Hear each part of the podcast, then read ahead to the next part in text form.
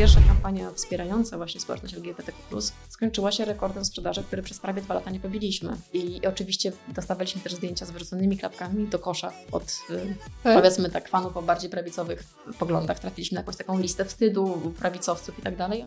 Za wolno zwalnialiśmy osoby, które nie pasowały do kultury organizacyjnej. To jest bardzo Z ciężkie. litości czy z jakichś innych względów? Myślę, że z tej samej, co wszyscy ludzie nienawidzą zwalniać ludzi. Wiele osób mówi, że ma świetny zespół. Ja też mogę powiedzieć, że mamy świetny zespół, ale to, żeby tak było, to wymagało od nas niesamowitej pracy. Jak kosztowne dla firmy są nieudane procesy rekrutacyjne, że nie ma nic w biznesie gorszego niż zrobić coś za wcześnie.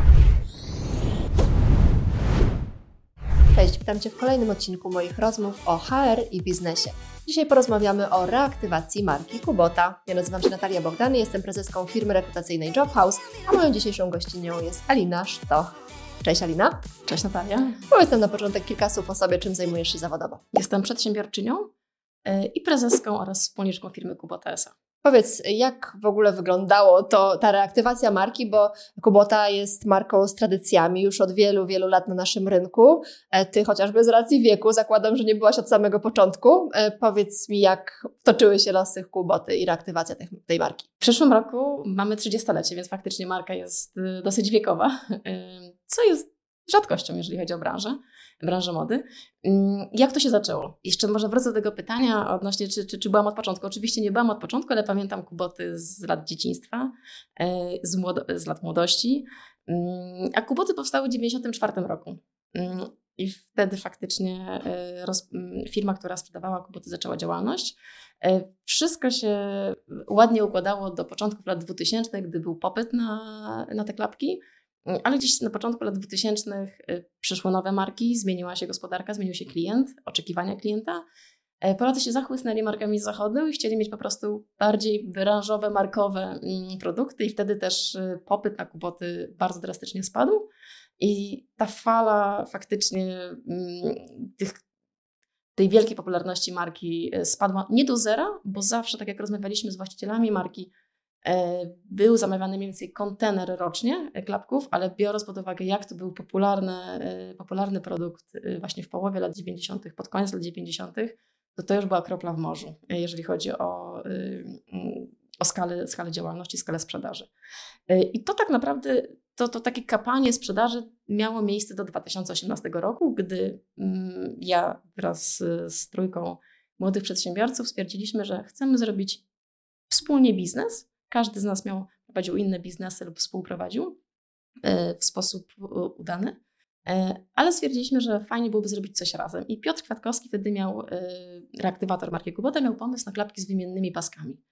My zaczęliśmy to prototypować, to trwało mniej więcej 6-9 miesięcy, nic z tego nie wyszło, nie dostaliśmy e, licencji na, e, gwarancji, przepraszam, na, na taki produkt, ale stwierdziliśmy, że poznaliśmy branżę, poznaliśmy siebie bliżej, e, poznaliśmy e, rynek, dostawców mm, i stwierdziliśmy, że ok, nie udało się z tym produktem, ale może zmieńmy model biznesowy, zmieńmy nastawienie e, i będąc jakby wokół tego tematu klapków, nie sposób nie było nie zatknąć się z, z, kub- z kubotą. To jakby cały czas wracało, jak bumerang e, ten temat i stwierdziliśmy, że może za bardzo kombinujemy, może zróbmy coś prościej, wykorzystujemy już istniejący brand i jego popularność. No i stwierdziliśmy, że spróbujemy reaktywować tę markę. I to jakby ta decyzja o zmianie modelu to była po prostu jedna wieczorna rozmowa. E, Sprawdziliśmy od razu, czy znak towarowy jest zastrzeżony, bo mogło być tak, że nie byłby i wtedy byśmy byli w super sytuacji, ale Ale okazało się, że był, tak. E, I następnie na, na stronie KRS-u sprawdziliśmy mm, dane do, do, do firmy, która e, była właścicielem znaku towarowego. Mm, Odezwaliśmy się do właścicieli, umówiliśmy na rozmowę. Pojechałam na nią razem z Piotrem. E, oprócz mnie i Piotra by- było jeszcze dwójka reaktywatorów, Wacław i, i Asia, e, z którymi współpro, e, współprowadziłam pierwszą firmę, którą, którą miałam, która istnieje do dzisiaj. I, I razem z Piotrem na tym spotkaniu, mm, dosyć zaskoczeni jego przebiegiem, próbowaliśmy przedstawić swój plan biznesowy na, na, na reaktywację. Okazało się, że to nie za bardzo interesuje właściciel, ówczesnych właścicieli znaku towarowego, bo te negocjacje były prowadzone w takim duchu chińskim, jak się potem dowiedzieliśmy, bo oni jakby całe życie importowali towar z Chin e, i chcieli nas bardziej wybadać jako ludzi, kim jesteśmy, jakich, jaką mamy rodzinę, jakie mamy priorytety życiowe. E, I to było dosyć zaskakujące, szczególnie dla mnie, gdy jestem trochę osobą niecierpliwą. Chciałam podzielić się tym planem, co chcemy zrobić, porozmawiać o liczbach, dowiedzieć się, jakie byłyby koszty y, odkupienia znaku towarowego lub y, mhm. uzyskania licencji na znak towarowy. A tak naprawdę po dwóch godzinach rozmowy wyszliśmy z, tej, z niej nie, nie, wiedząc, czego się spodziewać. Czy to była jakaś próba, czy test. E, nigdy wcześniej takiej rozmowy też nie, no nie przeprowadziliśmy w swoim życiu. Mm, dopiero potem zrozumieliśmy ca, ca, całą etymologię tego zdarzenia, jakby co na to miało wpływ i tak dalej. E, w każdym razie e, rodzina Michalskiej, bo ona była właścicielami znaku towarowego, odezwała się do nas jakiś czas po tej rozmowie, chcąc się umówić na kolejną. I już wtedy y, to, to faktycznie miało taki powiedzmy przebieg w miarę normalny. Rozmawialiśmy o biznesplanie i o tego typu rzeczach. Mm, to, to nie jest tak, że to, było, to były łatwe negocjacje. Tych rozmów było kilka. My się gdzieś badaliśmy, e, spotykaliśmy się raz u nich, raz u nas. Też chcieli zobaczyć e, siedzibę naszej, naszych wcześniej, wcześniejszych firm. No ewidentnie mm, to, to, była taka zdrowa nieufność, to po prostu się poznawaliśmy, no bo faktycznie stawka była dosyć wysoka. No mieliśmy być może robić coś razem, być może tylko no, otrzymać tę licencję na ten znak towarowy. E, bo, żeby była jasność, od razu rodzina Michalskich wykluczyła sprzedaż znaku towarowego. Więc to oczywiście. Z, no, tak jak w sumie nigdy nie spytałam tak wprost czemu, ale wydaje mi się, że może chcieli faktycznie poprowadzić to, jak to potem miało miejsce, czyli sprawdzić, jak to robimy. I jeżeli byłby w tym potencjał, okazało się, że był, to stać się inwestorami tej całej, tej całej sytuacji. E, no i faktycznie to miało miejsce. My uzyskaliśmy ostatecznie licencję e, na znak towarowy Kubota na okres 10 lat. Wtedy nam się to wydawało bardzo długą licencją. Okazało się po pierwszym roku, że kompletnie nie. No ale brakowało nam doświadczenia i też czasami to jest trochę tak, że trzeba po prostu zacząć i, i to może może wydaje się nierozsądne, ale wtedy wydaje mi się, że podjęliśmy taką ryzykowną decyzję, spróbowaliśmy e, i, i było warto, bo po roku faktycznie zaczęli zgłaszać się do nas inwestorzy, którzy obserwowali to, co robiliśmy i mówili, że fajnie to robimy, ale zawsze barierą inwestycyjną dla nich nieprzekraczalną było to, że nie posiadaliśmy znaku towarowego.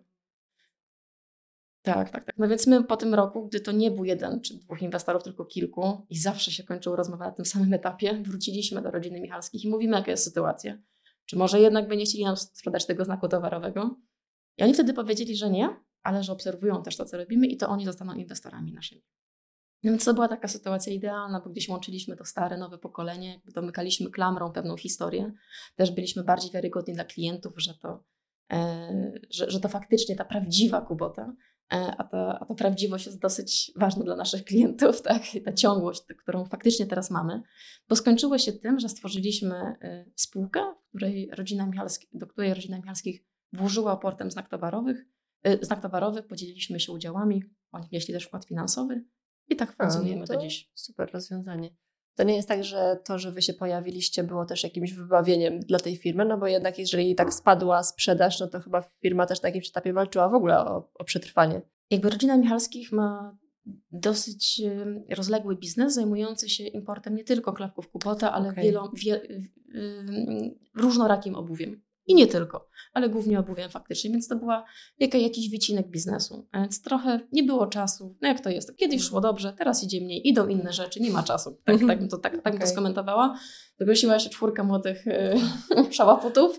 Posłuchajmy i zobaczymy, co chcą zrobić i nam, i nam zaufali. Ale wiemy też, że przed nami byli inni, więc no fajnie, że jakby udało nam się ich przekonać. Tak. Może ten, to pierwsze intro, gdzie wypytywali was o te wszystkie szczegóły życia prywatnego, może to właśnie prze, przemówiło. Bo ja tak patrzę też z swojej perspektywy. Jak do mnie przychodzi ktoś taki ambitny, pełny zapału, E, no to też mhm. taka osoba bardziej mnie przekonuje niż nawet jakiś, wiesz, stary wyjadacz w branży, a niekoniecznie z takim zaangażowaniem. A powiedz mi jeszcze z ciekawości, co robiliście wcześniej przed Kubotą? Posiadałam, posiadam e, firmę zajmującą się wdrażaniem nowych technologii w filmie, w informatyce e, i tak zaczynałam, jeżeli chodzi o mhm. Moją, moją, moją działalność. Teraz to bardziej poszło wszystko w stronę produkcji, wypożyczania sprzętu filmowego. E, I, I to sobie gdzieś ten biznes beze mnie operuje. Kubota absolutnie go przyćmiła i no jest na tyle poukładany gdzieś, że, że mogę być z boku. Myślę, że Kubota to po prostu wymusiła pewne, pe, pewne decyzje. Piotrek z kolei e, robił, który przed pomysłem na te klapki wymienne e, prowadził kluby muzyczne. Tak, a z Wacławem razem prowadziliśmy ten, ten, prowadzimy ten pierwszy biznes, a Asia była naszą współpracownicą. Mhm. Więc tak wyglądała nasza, nasza, nasza czwórka. Czyli jesteś seryjną przedsiębiorczynią, już można powiedzieć. Powiedzmy, mam nadzieję, że naprawdę to jest ostatni biznes, biorąc pod uwagę, że Kubota miała być tym łatwym biznesem, e, bo ten mój pierwszy był mocno wielowymiarowy, to łączenie i świata nauki, biznesu, filmu, zupełnie trzy różne środowiska, to było bardzo stresujące i wyrzucające mnie do strefy komfortu. Też biorąc pod uwagę mój młody wiek wtedy, tuż po studiach zaczęłam to robić. E, I, i, i sprzedawanie klapków miało być przyjemne. Przyjemne. Okazało się, że to jest bardzo skomplikowany biznes wielowymiarowy, wszystkie możliwe kanały dystrybucji, marketing, PR. Za chwilę ekspansja, będziemy pewnie o tym mówić, więc po prostu to, to nie wcale jest nie, takie, nie, takie łatwe. nie jest takie łatwe. Tak. Bo wiele osób myśli, że o, klapki kupota, to tak samo pewnie wygląda ten biznes, dosyć tak luźno i niefrasobliwie, nie wiem jak to, czy to, to, to mhm. dobrze ujmuję, a to, to jest dosyć no, dobrze zorganizowana firma, która ma wiele takich zachowań powiedzmy quasi korporacyjnych i Dlatego, dlatego też się udaje pewne cele osiągać. A dlaczego poszłaś w stronę biznesu, a nie pracy na etacie? Myślę, że zawsze miałam smykałkę do prowadzenia biznesu. Mm, w tym sensie, że jako dziecko bawiłam się w sklepie, uwielbiałam to, babci uwielbiałam sprzedawać rzeczy. To była moja ulubiona zabawa, gdy po prostu. E, ten, ten mój biznes, ten, ten mój sklep, wtedy pamiętam, że doskonale szedł. Miałam mnóstwo klientów i to mi się bardzo, bardzo podobało. E, ale w jakimś momencie skręciłam w stronę prawa, skończyłam prawo i myślałam, że będę notariuszką. E, poszłam na staż e, podczas studiów mm, i uświadomiłam sobie, że, że to nie jest moja droga, że jestem mm, w mojej opinii słaba, e, że nie podoba mi się za bardzo atmosfera, która panuje w pracy. To nie jest, że to była atmosfera tamtego miejsca. Po prostu trzeba być bardzo dokładnym, odpowiedzialnym, mm, poukładanym. To nie jest tak, że, że taka nie jestem, ale jednak to nie jest moja energia nie wiem, czy brakowało mi tam może jakiejś rzutkości, no ci ciężko mi powiedzieć, po prostu to nie było to. To nie było to, tak. E, a, a też tworzenie pism procesowych szło mi dosyć opornie. E, stwierdziłam, że kurczę, no okej, okay, całe życie myślałam, że będę prawniczką, ale też z jakiegoś powodu od 16 roku życia prenumerowałam Forbesa, kochałam czytać o tych historiach, o. tak? I to też było może nie, niecodzienne, wtedy to, to Zdecydowanie no, nastolatki tak. raczej czytają, wiesz, Brawo albo inne tego Też czytałam. Też czytałam i przy okazji Forbesa, tak. Ja, ja, pamiętam, że niewiele z tego rozumiałam, ale jakoś to wszystko było dla mnie bardzo inspirujące i lubiłam, lubiłam tę historię bardzo od zera do bohatera.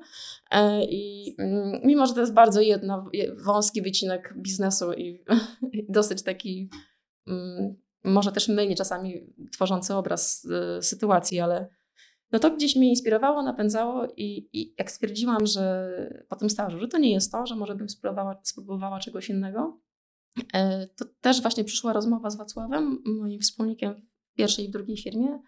E, on mi opowiedział historię, historię scenariusza, którego chciałby zrobić. No ja wtedy usłysz, jakby powiedziałam, super, jakby zróbmy to. Mówi, jak, ale jak zróbmy to? To się tak nie robi filmu, tak? Ja mówię, no nie wiem, no załóżmy firmę i zróbmy. No i założyliśmy dwa tygodnie później firmę i faktycznie no to, to ta firma była sukcesem. Jakby ja tam z, no. zrobiłam, nauczyłam się mnóstwo, no bardzo wielu rzeczy, jeżeli chodzi właśnie o, o biznes. E, ale też to, to było na tyle stresujące, na tyle, na tyle branża e, też mi średnio odpowiadała, czyli, czyli produkcja filmowa. E, było tam dużo artyzmu, mm, dużo, dużo miękkich rzeczy.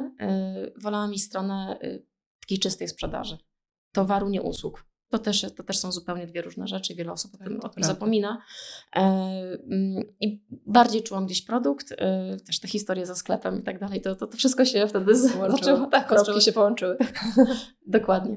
No i taka decyzja, czy dobra, nie mam pojęcia w ogóle, jakby mm, nie, nie, nie, nie oceniam osób pracujących na etacie, nie, nie oceniam osób prowadzących swoje biznesy. To są zupełnie dwie różne drogi, ważne, żeby wybrać dobrą dla siebie i ja myślę, że wielokrotnie miałam dość swojej drogi i, i ale czy ją bym zamieniła na, na inną, sama nie wiem.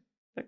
Myślę, że to jest bardzo, bardzo osobnicza, osobnicza mm. sprawa. No, wszystko ma swoje plusy i minusy, ale dobrze, że mówisz o tym, że ten element taki PR-owy, czyli właśnie kiedy już się chwalimy wynikami, tak, to, jest, tak. to jest miły dodatek, ale żeby do tego punktu dojść, to mnóstwo też błędów trzeba popełnić po drodze.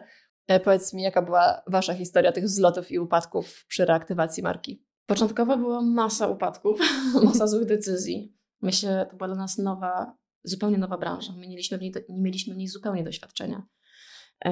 Czy to jeżeli chodzi o studia, które skończyliśmy, czy o biznesy, które wcześniej prowadziliśmy. Więc to naprawdę było wrzucenie na głęboką wodę. Bardzo się cieszę, że daliśmy radę, ale y, ilość błędnych decyzji, którą popełniliśmy, naprawdę myślę, że była, była, była olbrzymia. I dopiero w, w momencie, gdy się stworzył taki fajny zespół, gdzie się pojawiły kompetencje, jeżeli chodzi o dyrektorów wokół zarządu, to, to ta sytuacja stała się stabilna. I oczywiście w tym początkowym okresie, ten, ten być może brak wiedzy, bardziej chodziło o inicjatywę, o energię, o to poświęcenie, o serducho, ale w pewnym momencie musiało się pojawić twarde kompetencje, twarde umiejętności, po prostu doświadczenie w branży. I takim bardzo ważnym momentem było pojawienie się w firmie mojej żony, Dominiki, która y, wcześniej pracowała w korporacjach, y, w Ernst Youngu, w Deloitte, była audytorką finansową i y, stwierdziła, że rzuca pracę w korporacji. Ja tak nieśmiało, nie chcąc naciskać, trochę drogą in, incepcji, mówię, Dominika to może przyjść do nas na, na krótki audyt trzydniowy, obiecuję nie więcej. to będzie. Zobacz, jak to będzie przyszła. Powiedziała Ala, ta i ta osoba jest do wyrzucenia. E, musimy hmm. inaczej ułożyć procesy. Proces zarządzania dokumentami finansowymi nie przebiega prawidłowo. Możemy tutaj bardzo wiele rzeczy usprawnić i zostanę z Wami do końca roku. To były jakieś 3-4 miesiące. Potem znajdę kogoś na moje miejsce, e, uporządkujemy temat. Oczywiście nie została do końca roku, jest już chyba trzeci, trzeci rok z nami, z wiceprezeską, dyrektorką finansową, logistyki, okay. administracji. I nie wiem, co by było, gdyby na ten audyt też nie przyszła, bo po prostu był taki moment, że my przez dwa czy trzy lata robiliśmy wszystko własnymi e, rękami. Mówię tutaj o, reaktywa- o czwórce reaktywatorów. Nie było pieniędzy na, na, na, pracowników. My pracowaliśmy bez pensji. To był bardzo, bardzo ciężki okres i to wszystko super teraz wygląda, biorąc pod uwagę wyniki finansowe, też jesteśmy na giełdzie, też mamy ułożone procesy. No ale wtedy to była praca na dwa etaty, po godzinach, kosztem wszystkiego. E, I, i takimi właśnie kluczowymi momentami było przyjście y, Dominiki, która mając przeszłość korporacyjną, bardzo wiele rzeczy nam ułożyła. Miała doświadczenie. My trochę w tamtym składzie, nikt nigdy z nas nie pracował na etacie, wytworzyliśmy swoje firmy, nie mieliśmy też skąd pewnych dobrych praktyk złapać. E, fakt, jesteśmy bardzo autorefleksyjni i, lubimy się uczyć nowego, ale trzeba mieć od kogo. Więc tutaj też była taka nowa osoba, świeża, która się chciało, która też była po korporacji, więc była tam, no, pewnie delikatnie stłamszona, a tutaj mogła zupełnie rozwinąć, rozwinąć skrzydła. Tak.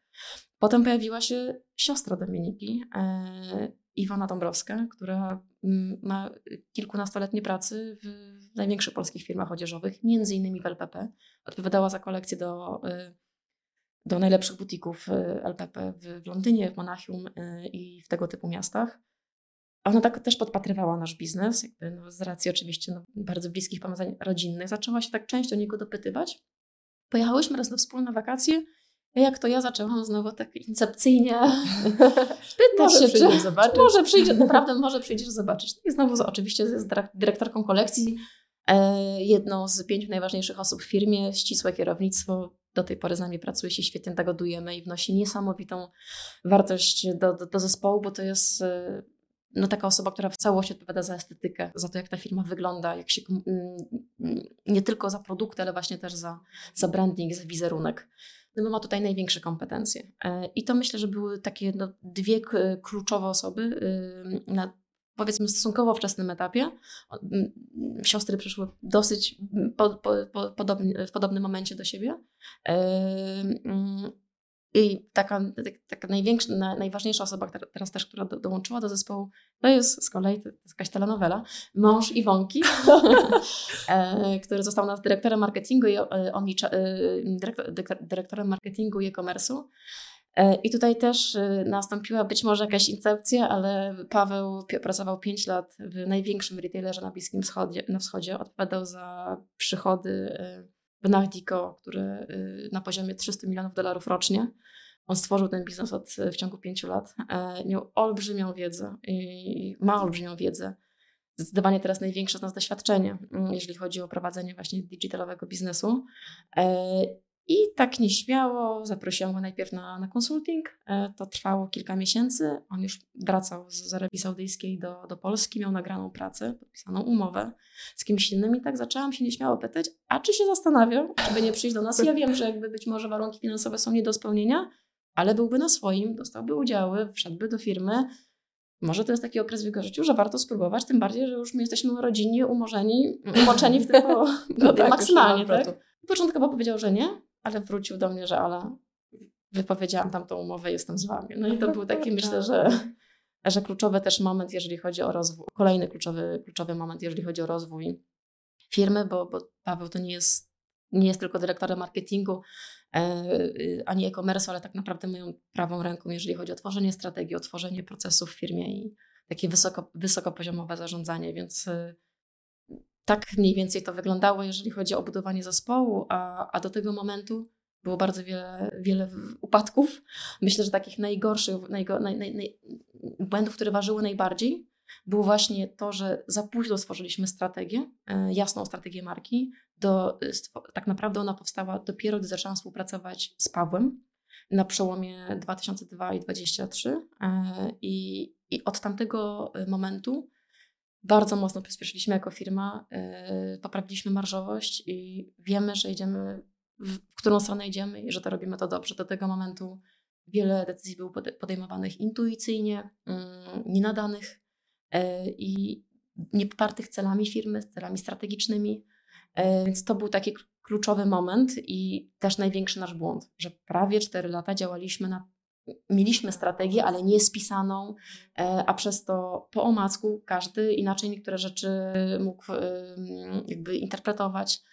Więc ja jestem wielką fanką spisywania, a tutaj tak naprawdę największy dokument, który powstał, powinien powstać na samym początku, no, powstawało coś, co było quasi strategiami, ale to właśnie troszeczkę niezgodnie z tym, jak to powinno być zrobione i, i, nie miało dużej wartości praktycznej, więc to myślę, że był kluczowy moment. Też takim bardzo ważnym momentem było stworzenie kultury organizacyjnej w firmie e, i ona się myślę, że pojawiła najwcześniej, jak, jak mogła być, bo to są nawet duże, niektóre organizacje nie mają spisanej kultury organizacyjnej, to a to nie znaczy, że, tej, że kultury organizacyjnej nie ma. E, to, to, to, są dwie różne sprawy, ale faktycznie my też moment, gdy spisaliśmy tę kulturę, był kluczowy dla zespojenia zespołu, dla wyeliminowania pewnych nieefektywnych sposobów komunikacji, sposobów pracy. I to był bardzo, bardzo ważny moment y, u nas, gdy sobie uświadomiliśmy potrzebę, po pierwsze, potrzebę spisania kultury, po drugie, proces jej spisywania bardzo zbliżył do siebie też kierownictwo, ale też kierownictwo i menadżerów. Powiedzieliśmy sobie wiele rzeczy, wiele rzeczy, które wydawało nam się, że działały, ale nie działały taki, taki uczciwy rachunek sumienia, jeżeli chodzi właśnie o zarządzanie ludźmi, o, no i o tym, co jest pomiędzy, bo o tym jest kultura organizacyjna, o tym, co jest pomiędzy, tak? Co jest, e, co, co, co ciężko, że tak powiem, na, czasami nazwać, zmierzyć, tak? E, I wydaje mi się, to też było bardzo, bardzo ważne. Mm, tak. E, a myślę, że z takich błędów, które najczęściej, tak, które popełnialiśmy, to też dotyczących właśnie tego zakresu, tego obszaru zarządzania ludźmi, to, to to, że za wolno zwalnialiśmy osoby, które nie pasowały do kultury organizacyjnej. Mm. To jest bardzo z ciężkie. litości czy z jakichś innych względów? Myślę, że z tej samej, co wszyscy ludzie nienawidzą zwalniać ludzi. Po prostu to jest bardzo ciężkie i mm. najciężej się zwalnia nie, z, y, nie złych pracowników, tylko tych średnich. Mm, to, to jest tak naprawdę czasami i właśnie jak nie ma celów określonych w firmie, jak firma nie pracuje na celach, a my na celach zaczęliśmy pracować dopiero w tym roku, to ciężko czasami pewne rzeczy wytłumaczyć, pokazać jasno, czemu, czemu ktoś zostaje zwolniony, bo, bo nie dowiozłeś, bo, bo brakuje pewnych kwantów, od których się można odbić. Też nie ma nawet ich świadomości, tak naprawdę. Więc y, ten moment przejścia na firmę, y, która pracuje na celach, był kluczowy nie tylko pod kątem strategii, nie, nie tylko pod kątem mm, podejmowania lepszych decyzji, ale także pod kątem zarządzania zespołem i dowiedzenia się, kto jak pracuje, łatwiejszego mierzenia ich jakości pracy. Więc to, to też na pewno to, to taki nasz, nasz grzech, myślę, że, że długo trzymaliśmy osoby, które no nie pasowały do kultury organizacyjnej, nie dowoziły, ale nie było narzędzi, które pozwalały to mierzyć i, mm, i brakowało czujności w tym względzie. Przez to spisanie kultury organizacyjnej rozumiesz spisanie wartości, czy tak. w jakiś sposób? Mhm. Wartości. I też w tym momencie właśnie z Pawłem jesteśmy na etapie, że schodzimy niżej, jeżeli chodzi o kulturę organizacyjną, czyli nie zatrzymaliśmy się na, do tej pory faktycznie mieliśmy spisane tylko wartości, ale chcemy wejść jeszcze ni zejść niżej. Chcemy spisać pewne praktyki, zachowania w, mm, w ramach, tak, mhm. które wynikają z tych wartości, tak zwane dusy dący, e, mhm. żeby mm, nie tylko na takim właśnie dosyć ogólnym poziomie y, pracownik to czytał, ale tak naprawdę nie miał jasnych wskazówek, co to oznacza. E, czasami może być skołowany, szczególnie jak, jak jest osoba świeżo przychodząca do firmy. I to, może, to, to po prostu było zbyt ogólne. I teraz właśnie chcemy pokazać konkretnie, czy nie wiem, czy 10-minutowe spóźnienie jest ok, czy 3-minutowe spóźnienie, a może w ogóle. I to są już mhm. takie rzeczy, które nam układają taką codzienną pracę. E, oczywiście te wartości, które tak, tak pozwolą mu, pozwalają musnąć naszą firmę i zrozumieć wlot, jeżeli chodzi o jak, jaka jest aura, jaka jest atmosfera, co cenimy, ale chodzi też o taką większą wartość praktyczną i to właśnie ma teraz, co z Pawłem robimy i zakładam, że to też powstanie na, na przestrzeni miesiąca, dwóch. A co charakteryzuje właśnie Waszą kulturę i Wasze wartości? Myślę, że jest to kultura szczerości, kultura mhm. komunikacji yy, i to są takie rzeczy, które u nas się bardzo mocno prze, yy, wpływają na efektywność. Czyli to, jak się dobrze komunikujemy, jak jesteśmy ze sobą szczerzy i to to, to, to, tylko łatwo się teraz mówi. Być szczerym, dobrze się komunikować. To są rzeczy, które w pracy się uczymy. Ktoś, kto rozumie biznes, to rozumie, że się uczymy całe życie, żeby to robić bardzo dobrze. I co to znaczy bardzo dobrze? Więc my faktycznie wchodzimy teraz w szczegół i staramy się to yy, gdzieś to rozpisać, bo, bo tak naprawdę yy, dobra komunikacja dla wielu osób oznacza wiele, wiele różnych rzeczy. Staramy się jakoś to wszystko uśrednić, ustandaryzować. I, I, to jest bardzo ciężkie, szczególnie w zespołach, gdzie, y, gdzie się zaczyna, tak naprawdę jesteśmy dopiero 5 lat na rynku, to jest niewiele. E, I, i, i więc to, to, to jest dla nas bardzo ważna wartość. Odpowiednia komunikacja, e, szczerość, e, ale też zaangażowanie, odpowiedzialność. My to tak bardzo obrazowo nazywamy podnoszeniem papierków z, z podłogi. Mhm. Tak jak w Super. domu podnosimy papier, jeżeli widzimy papierek, podnosimy go. A w firmach lub przestrzeniach publicznych bardzo często pracownicy tego nie podnoszą. Widzimy papierki na ulicy, tego nie podnosimy. Pytanie, dlaczego? Przydałaby się kultura organizacyjna dla naszego państwa, tak naprawdę, albo w ogóle dla ludzi, tak? Mhm. Już tak mówiąc filozoficznie trochę, ale właśnie chcemy, żeby u nas w firmie panowało to poczucie, że traktujemy firmę, no, jeżeli chodzi o te papierki, tak własną. Tak, mhm. tak, tak, jak własną. A to, to zdanie oznacza bardzo wiele rzeczy. Jak wciągnąć yy, jak wciągnąć pracowników w firmę, w tym sensie, żeby czuli, że, mają, że są sprawczy, żeby byli odpowiedzialni, że mają, że, że mają z jednej strony dużą swobodę, ale też muszą dostosować się do pewnych y, fundamentalnych założeń. Y, I, i to jest, y, to jest wielkie wyzwanie dla każdej z firm y, i nie ma tutaj jasnej drogi, jak to zrobić, ale faktycznie to jest dla nas bardzo ważne, żeby była taka, taka kultura, żeby nie było takiej kultury, nie za to mi płacą. Okay. Mm, I to, to, to, to jest ciężkie, ale faktycznie z osob osobami, które mają takie podejście, super nam się pracuje i, takich osób szukamy. Czyli autorefleksyjnych, które mają na wysokim poziomie y, ownership, umieją zarządzać swoim czasem, i mają te, te, te, wszystkie cechy takie intrapersonalne, ale też interpersonalne właśnie, które, które nam odpowiadają. E, I no, takim dużą zmianą, jeżeli chodzi o kulturę organizacyjną w tym roku, właśnie jest to, że dodaliśmy tam nastawienie na cele. My tego nie mieliśmy, tak, ta kultura była bardzo, ja się śmieję, prawo półkulowa. Ja jestem osobą prawo półkulową i to też się mocno przelała na tę kulturę i to nie było dobre. Brakowało balansu w tej kulturze. Właśnie przyszedł też Paweł, który jest zdecydowanie osobą bardziej lewo półkulową i teraz ta, ta firma zaczyna y, dzięki temu też mieć pewną, pewną równowagę. Tak samo jak ta kultura ma równowagę, strategia ma równowagę i, i to jest fajne, że jakby się umiemy uczyć, umiemy od siebie brać i, i gdzieś zauważamy też, że organizacja się zmienia i roś, rośnie, a w związku z tym potrzebuje innych rzeczy. A być może to, co zrobiliśmy na te dwa lata do tyłu, bo wtedy powstała kultura organizacyjna, było wystarczające, ale teraz rozwijamy się bardzo szybko, y, nie możemy popełniać tylu błędów, co popełnialiśmy. I oprócz tej komunikacji, oprócz szczerości, oprócz właśnie zaangażowania, odpowiedzialności, doszedł, doszedł kolejny filar naszej kultury, czyli nastawienie na cele. A powiedz mi, jak Wam się pracuje tak rodzinnie, bo wspominałaś o, że, o tym, że pracujesz z żoną, że jest e, siostra żony i jeszcze teraz mąż, siostra żony. tak. E, jakie są plusy i minusy takich konotacji rodzinnych w firmie? Tak, jeszcze trzeba do tego dołożyć, że, że Asia, wiceprezeska, reaktywatorka marki też jest przyjaciółką, więc w ogóle to są bardzo, bardzo bliskie relacje i czy pojawiają się napięcia? Oczywiście, że tak, to jest naturalne, to skłamałabym, gdyby tego nie było, ale, ale z drugiej strony jest pełne zaufanie, jest totalne zaangażowanie. E, I tak naprawdę myślę, że nasze relacje zyskały, że się bardziej doceniliśmy, poznaliśmy i też przez, przez to, że mamy mocną kulturę organizacyjną, że ją współtworzyliśmy i że mamy też w ogóle system informacji zwrotnej, czyli to, jak się komunikować, jak odbierać, jak przekazywać informację zwrotną, bardzo mocno nam pozwoliło też wyprostować pewne kwestie w, relacjach osobistych. Bo, bo, bo to gdzieś się przeplata, to, to życie nasze osobiste i zawodowe. I jeżeli my się nauczyliśmy bardzo w taki fajny sposób komunikować w pracy, to też to z siłą rzeczy znalazło odzwierciedlenie w tych relacjach osobistych, więc wydaje mi się, że same plusy.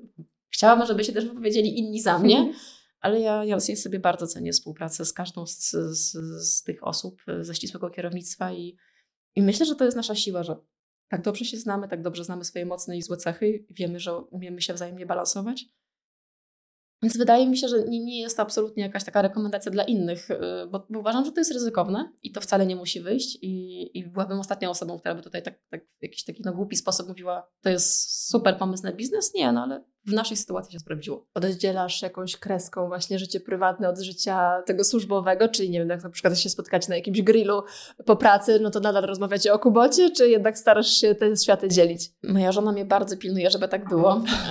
Ja mam, miałam z tym problem. Wydaje mhm. mi się, mhm. że odrobiłam olbrzymią lekcję, żeby ta firma nie była y, aż tak przy, żeby aż tak nie przytłaczała naszego życia osobistego, naszego życia po firmie, którego i tak jest mało. Dodajemy, bo nie pracujemy po 8 godzin. Staramy się, żeby to też już nie było 12, ale, ale jednak jest to bardziej 9, czasami 10 godzin niż, no, no, niż 8. Mm, więc jakby cały czas zmierzamy w stronę normalności, żeby, żeby jednak pracować mniej, żeby pracować mądrzej, efektywniej, i, ale mm, jest ciężko i jeżeli dlatego staramy się szanować ten czas po pracy. E, I tutaj Dominika jest bezwzględna, jeżeli chodzi o rozmowy po, po pracy. Faktycznie bardzo mi się to dostaje cenię to i po prostu no, rozumiem, jakby czemu to robi. Też się nauczyłam odpoczywać i rozumiem, że odpoczynek w ogóle nie jest luksusem, ale jest obowiązkiem każdego z nas, każdego dobrego menadżera, ale to też przychodzi z wiekiem. Mm, też musiałam, po prostu no, musiałam no, zmienić podejście do tego nastawienia e, i no, trochę zmądrzeć, chyba tak to powinnam nazwać, e, ale oczywiście czasami zdarzają się jakieś rozmowy, ale staramy się po pracy w gronie, no nie wiem, na przykład na jakimś spotkaniu rodzinnym, ale staramy się, żeby to było bardziej żartobliwe, czy, czy jakaś śmieszna sytuacja, niż faktycznie ej, omawiamy sobie teraz strategię, tak? Albo i to, i to mamy z tym problem, no to tak pilnujemy się. A powiedz mi, to, że teraz możesz pracować trochę mniej, to też zawdzięczasz to temu, że zatrudniasz lepszych ludzi, którzy trochę cię odciążają?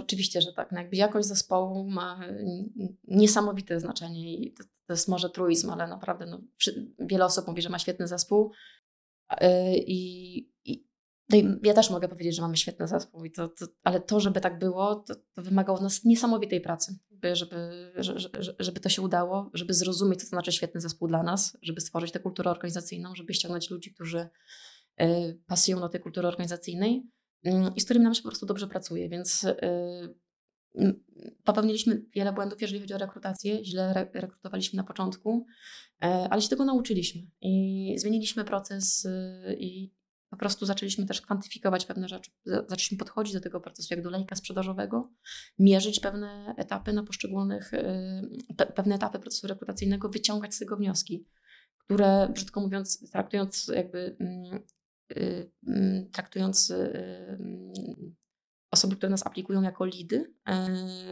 i gdzie te lidy uciekają, gdzie, gdzie pojawiają się fajne, z jakich źródeł pochodzą. Takie bardzo mocne podejście tak, analityczne, czerpiące ze sprzedaży, yy, które po pozwoliły nam po prostu lepiej siebie poznać, nasze potrzeby. I tutaj też współpracując z agencją właśnie HR-ową, yy, wiele rzeczy wyprostowaliśmy, wiele procesów, yy, zdobyliśmy know-how od nich, jak to robić i teraz ten proces, te procesy powielamy. Nauczyliśmy się, że zaczynamy od persony rekrutacyjnej. Tego nigdy nie robiliśmy. Każdy menadżer jakby mm, gdzieś po prostu pod siebie dopasowywał tę osobę a już może nie do końca do kultury organizacyjnej, a tak naprawdę nie do. To, to chodzi o to, żeby ta osoba umożliwiła realizację celów strategicznych, żeby oczywiście miała umiejętności, które na to pozwalają, ale też, żeby jej cechy charakteru odpowiadały kulturze organizacyjnej. Więc y, tworzymy taką personę rekrutacyjną y, i tworzymy to, nie, nie tworzy to tylko tego, nie robi tego tylko menadżer, ale robią, robimy to w większym gronie. Mm, I to też na pewno pozwala ustandaryzować ten proces, spojrzeć na niego też z różnych punktów widzenia. To jest bardzo ważne. I potem już e, dzięki temu też te procesy rekrutacyjne zostały skrócone. Mm, bo jak nie ma się tego punktu odniesienia, to znowu to tak, a jak coś jest niespisane, to się zastanawiamy, czy to jest na pewno takie, są, różnie interpretujemy pewne słowa, pewne, pewne oczekiwania, i to nas bardzo gdzieś mm, przybliżyło do, właśnie do, do, mm, do tego, że ten proces stał się bardziej efektywny. Więc persona rekrutacyjna, następnie mm, podzieliliśmy proces też na kilka etapów. Na poszczególnych etapach y, nie ma y, y, hiring managera, nie, nie ma, może inaczej, są różne etapy i na każdym z tych etapów są inne osoby. Nie jest tak, że hiring manager jest na każdym z nich. Okay. Ale są te same, na tych samych etapach zawsze osoby. Mhm. I więc też Jak to podzieliliście właśnie? Który etap kto robi?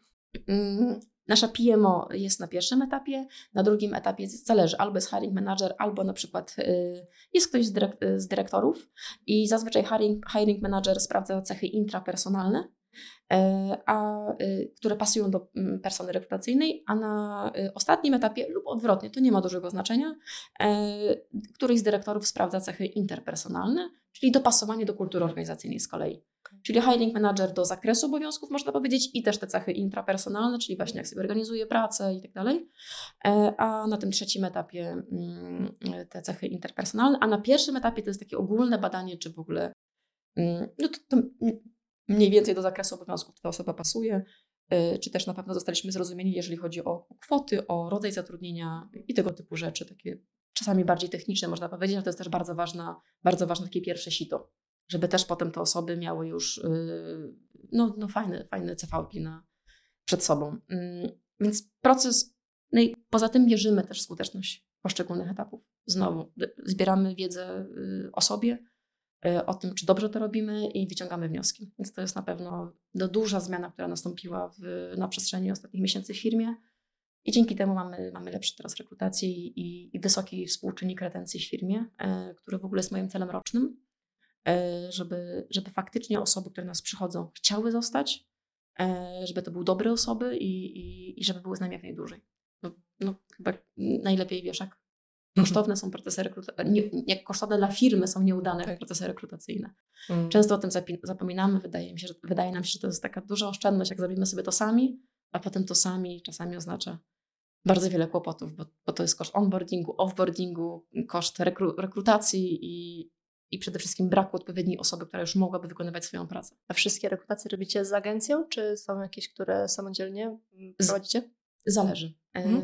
Prostsze rekrutacje robimy sami, ale na stanowiska menedżerskie z, zawsze z agencją.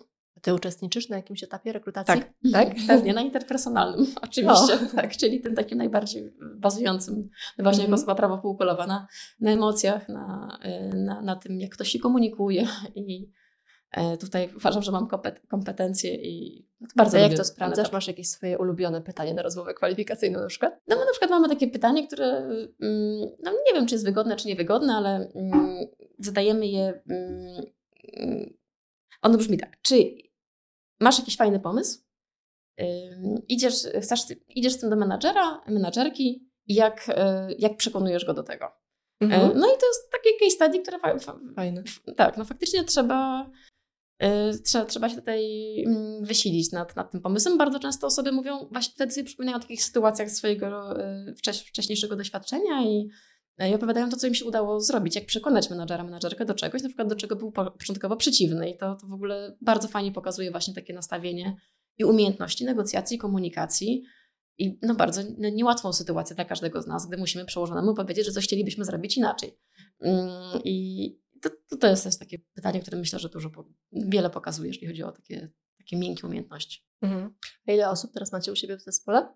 To wszystko bazuje około 30, y, oscyluje około 35 osób. A jaka jest w ogóle skala biznesu? Tak mniej więcej wiesz, e, jakieś punkty odniesienia, żebyśmy mieli, e, nie wiem, obroty na przykład, czy na ilu rynkach działacie? Jasne, to oczywiście u nas jest wszystko jawne z racji tego, że jesteśmy na giełdzie, na rynku mm Connect e, od listopada zeszłego roku. Kilka dni temu minął nam rok e, na giełdzie. Gratulacje. Dziękujemy. Dziękujemy, to był bardzo intensywny rok. Wiele się nauczyliśmy także właśnie dzięki tej obecności na giełdzie, bo, bo to sprawiło, że musimy się dzielić mm -hmm. wynikami, a a z racji tego, że musimy się dzielić tymi wynikami, to musimy je dosyć też wcześnie zamykać miesiące, dobrze zarządzać dokumentacją finansową, to jeszcze usprawniło wiele procesów. Musimy fajnie te dane przedstawiać dla inwestorów, e, a, a przez to, że to robimy, też sami się bardzo wiele uczymy i lepiej analizujemy pewne rzeczy. E, więc, e, a jeżeli chodzi o liczby, o, o skalę biznesu, to wszystko mogę oczywiście powiedzieć, bo, bo, bo, tak jak powiedziałam, te dane są jawne. Zapraszamy w ogóle na zakładkę relacje inwestorskie na naszej stronie. Tam są wszystkie raporty okresowe z dokładnymi wynikami finansowymi, ale pierwsze trzy kwartały tego roku zamknęliśmy z przychodami y, ponad 18 milionów i z zyskiem netto 2 miliony. What? Tak, więc to, to jest bardzo duży wzrost, jeżeli chodzi o rok wcześniejszy, mm, bo przy delikatnie większych przychodach za pierwsze trzy kwartały mieliśmy zysk netto 800 tysięcy, więc mocno, mocno dwa razy mniejszy niż, niż w tym roku, z mniejszej ilości przychodów, więc to bardzo pokazuje, jak dobrze zwiększyliśmy marżowość w tym, w tym roku, a taki był właśnie cel. Do 2022 roku pędziliśmy, żeby zbudować e, swoją pozycję na rynku, walczyliśmy o kolejne kawałki tortu, e, ale nie do końca e, szła w parze dobra marża, ale to jest częsta sytuacja, gdy walczysz, walczy się o przychód, właśnie walczy się o rynek, mm, ale stwierdziliśmy, że ten rok będzie rokiem optymalizacji, E, z racji tego, że e, do tej pory podwajaliśmy przychody e, rok, rok, do roku. My zaczynaliśmy od 2 milionów przychodów, potem były 6 milionów, w kolejnym roku 10 milionów, a w, tym, a w zeszłym roku 23 miliony, więc tam nie było miejsca na optymalizację, na, za szybko to się wszystko działo, tak?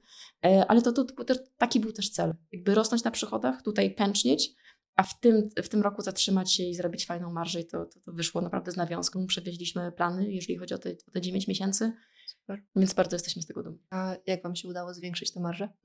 No, to jest pytanie, które bardzo często słyszę też od analityków towarzystw funduszy, inwestycy, funduszów inwestycyjnych, od y, inwestorów, którzy zastanawiają się nad wejściem do spółki, czy też od dziennikarzy biznesowych i y, wiele czynników. Mm, po części czynniki żeby tutaj uczciwie też przedstawić mhm. sytuacje niezależne od nas, a, a, a takie jak na przykład sytuacja po prostu makroekonomiczna, która się ustabilizowała. E, no bo zeszły rok był bardzo ciężki dla biznesu, dla świata, e, mm, dla Polski. Mm, olbrzymia inflacja, e, wojna w Ukrainie, to, to, to mm, lockdowny jeszcze w Chinach i przez wszystko wywrócone do góry nogami. W tym roku zaczęła się delikatna stabilizacja i, i między innymi spadły ceny frachtów. I to tak spadło bardzo mocno, bo z 18 tysięcy y, dolarów do półtora tysiąca. Więc to, a cena frachtu waży w, waży w produkcie u nas, tak? No bo my, my towar importujemy nie w 100%, ale w zdecydowanej mierze. Następnie ceny kursów też spadły. Więc to jest coś, co nam mocno pomogło. Towar stał się dzięki temu tańszy. Ale to, to, to są te dwie rzeczy, które, które były, że tak powiem, niezależne od nas, e, a, a to, co było zależne, to właśnie cała, cała ta praca, którą wykonaliśmy z, z i z pozostałymi dyrektorami, jeżeli chodzi o układanie firmy. O tym, że staliśmy się firmą nastawioną na cele, o tym, że zrobiliśmy, zidentyfikowaliśmy najważniejsze procedury w firmie, y, stworzyliśmy do tego KPI, metryki, które mierzymy, które analizujemy. Więc budujemy, te, bierzemy takie najfajniejsze rzeczy z korporacji, które działają w korporacjach, bo to nie jest tak, że w korporacjach jest wszystko źle.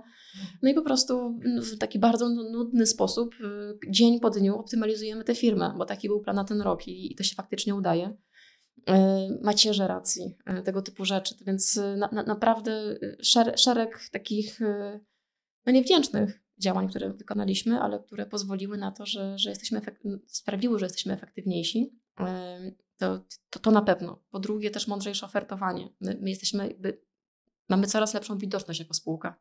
Jesteśmy starszą spółką, mamy dane. My, my, tych danych początkowo nie mieliśmy, więc czasami za nisko ofertowaliśmy na przykład kluczowych klientów, e, bo nie, nie wiedzieliśmy, mm, no, gdzie jest ta granica. Tak? Musieliśmy się nauczyć naszych klientów.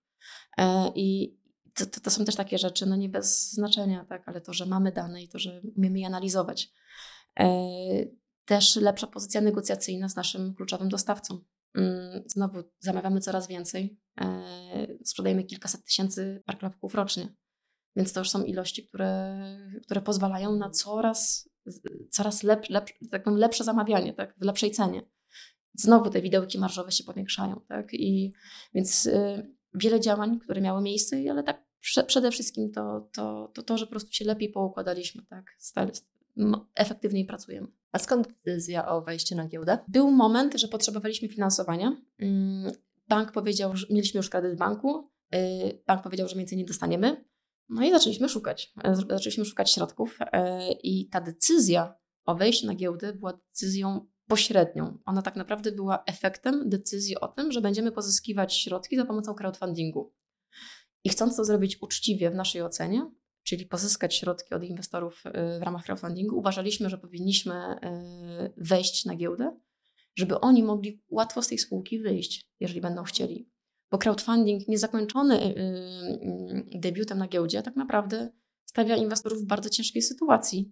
Ciężko, te, to oczywiście da się sprzedać udziały, ale to Giełda jest, jest niczym innym jak właśnie rynkiem. Kupuje, sprzedaje, takim łatwym dla inwestorów. Więc chcieliśmy to zrobić, że tak powiem, zgodnie z własnym sumieniem, z tym jak to powinno być robione. Nie każdy crowdfunding jest tak robiony, nie każda zbiórka crowdfundingowa. Jest mnóstwo zbiórek, które mm, firmy robią zbiórki i nie wchodzą na giełdę, po prostu zostawiają bardzo często z niezbywalnymi akcjami tak naprawdę inwestorów.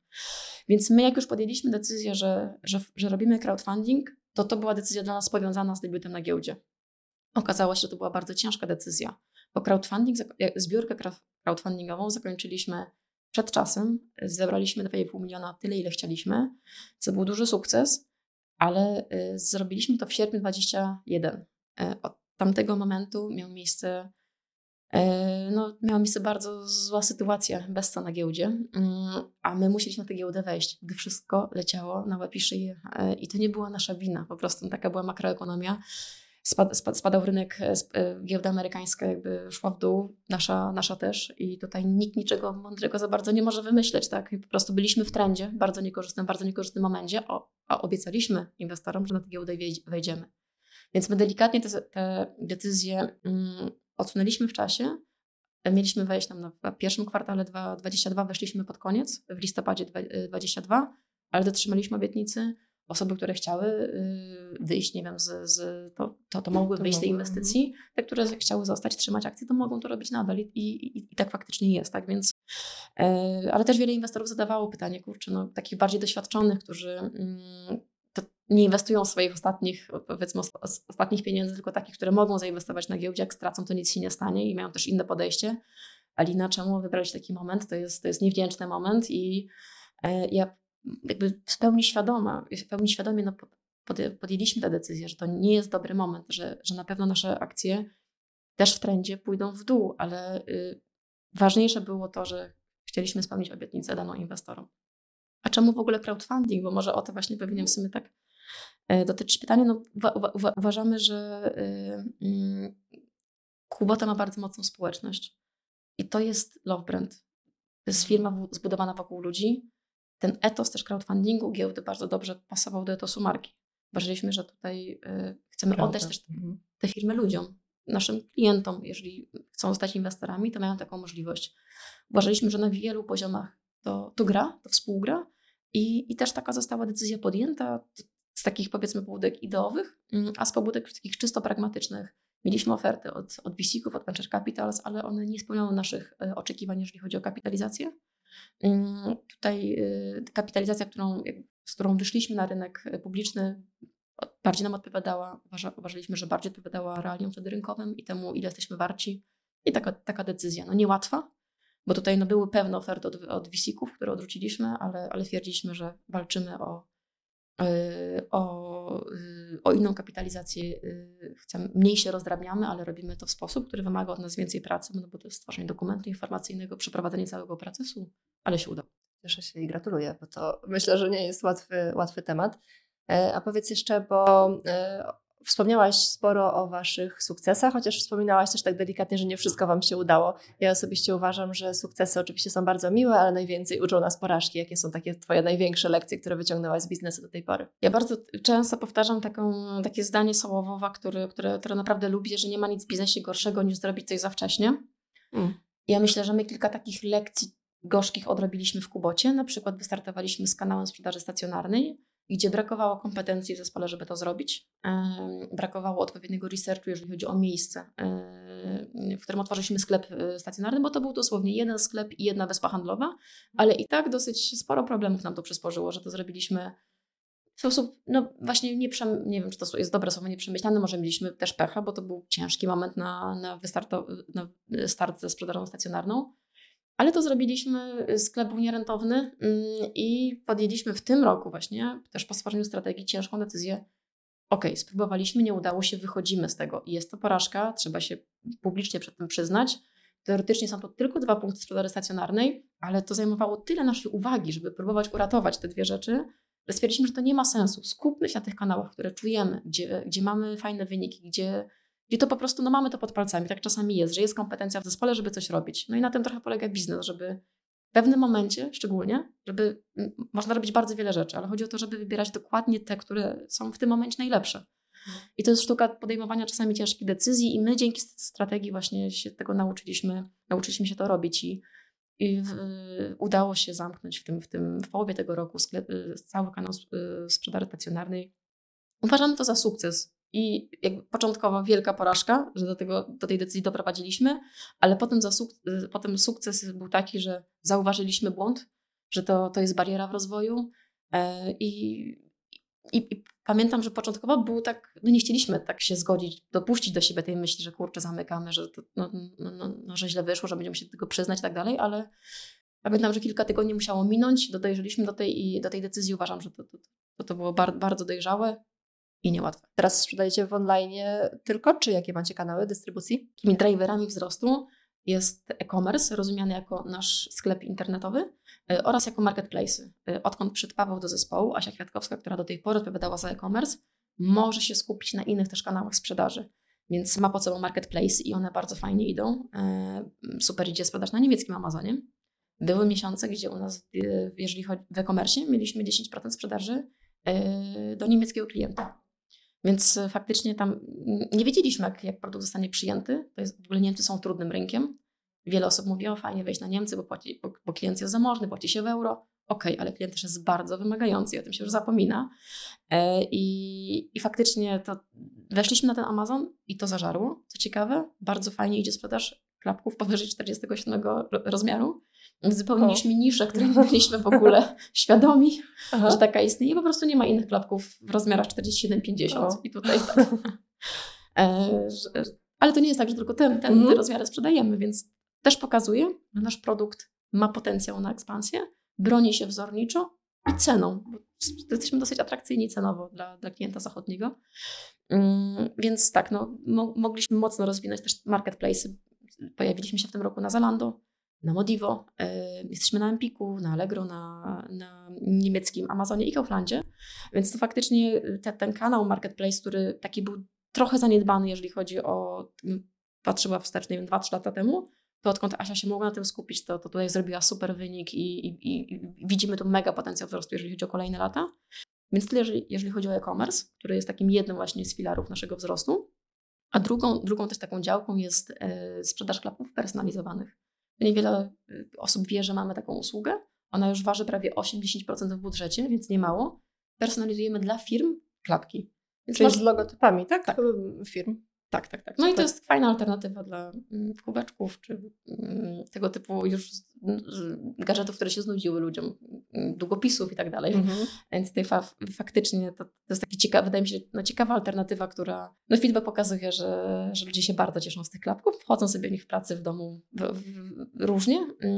I tu no, no, mieliśmy już naprawdę takich klientów jak TikTok, y, Google, YouTube, o. więc y, faktycznie taki KFC, no, lot. Y, jak rozwiązaliście, tak. rozwiązujecie temat rozmiarówek? Bo ja kiedyś chciałam zamówić wasze klapki właśnie na konferencji, ale zastanawiałam się, jak to ugryźć, skoro nie wiem, jaki rozmiar ma każdy z gości. Bazujemy na danych i mniej więcej wiemy, jak się rozkłada, rozkłada rozmiarówka y, Aha. u ludzi. Więc po prostu procentowo A, przyjmujemy. Okay. Jeżeli potrzebujemy 100 klapków, to to mniej więcej tak wygląda. Nie zawsze trafimy, mhm. ale też nie oszukujmy się, że w klapkach ten jeden rozmiar w te czy we tak, te, to jest ten rzep, który można regulować. Mhm. To jest też duża siła tego produktu. Super. Więc tak. E, wspominałaś o swojej żonie, więc myślę, że nie jest tajemnicą, że wspierasz też środowisko LGBT. Czy na Kubotę two, Twoje przekonania też mają jakiś wpływ? Myślę, że pewnie tak, ale też nie jest tak, że jakby tylko nasza sytuacja osobista wpływa na to, że, że bardzo mocno wspieramy społeczność LGBT. To, to gdzieś wyszło dosyć naturalnie kilka lat temu, gdy był miesiąc dumy. E, ja miałam tak, zajmowałam, byłam wtedy jeszcze dyrektorką marketingu chciałam wesprzeć e, społeczność i organizacje, które, które właśnie wspierają też, też, też, też społeczność, lgbt społeczność. E, I, I spytałam się wspólników, czy mieliby coś przeciwko. Tylko usłyszałam, że ale no, nie czy, ale ile kapków robimy i co robimy i daj spokój. No przecież to, to um, stu działajmy i absolutnie jakby jesteśmy tutaj, roz, rozumiemy i Twoje motywacje i wiemy, że to pasuje do firmy i do, tego, tej, do tej nowej kłopoty też, tak? Yy, więc faktycznie nigdy nie było tematu w firmie, czy, czy, czy, dobrze robimy, czy że się, nie wiem, być może wychylamy niepotrzebnie. No, mm, bardzo za to jestem wdzięczna wspólnikom do tej pory, że taka decyzja wtedy została podjęta, bo, bo co ciekawe, ta pierwsza kampania wspierająca właśnie społeczność LGBTQ+, skończyła się rekordem sprzedaży, który przez prawie dwa lata nie pobiliśmy. I nie było to celem, a okazało się, że bardzo docenili, doceni, doceniły osoby, fani marki. I, oczywiście dostawaliśmy też zdjęcia z wyrzuconymi klapkami do kosza od y, tak? powiedzmy tak, fanów o bardziej prawicowych poglądach. Trafiliśmy na jakąś taką listę wstydu prawicowców i tak dalej, ale Naprawdę? tak, oczywiście. No ale uważamy, że, że, że to, co robimy jest słuszne, że, że jakby mm, jednym z naszych takim wartości, którymi chcemy być kojarzonymi jako marka jest właśnie otwartość, jest inkluzywność i to, to się po prostu w politykę marki wpisuje. E, I, I, cieszymy się, że jakby jest na to przestrzeń, że możemy to robić i uważam, że się mądrze wypowiadać w pewnych tematach i wspierać też nie, nie tylko społeczność LGBTQ+, ale też, też inne mniejszości. Też wszystkie pytania, które przygotowałam na dzisiaj, więc bardzo Ci dziękuję za inspirującą rozmowę. Jeszcze na koniec powiedz, gdyby ktoś chciał Cię dopytać o coś jeszcze, to gdzie najlepiej Cię szukać? Na LinkedInie. Myślę, że tak jest mhm. najprościej. Staram się odpisywać na większość wiadomości, więc y, serdecznie zapraszam. To bardzo Ci dziękuję i dziękujemy. Dziękuję bardzo.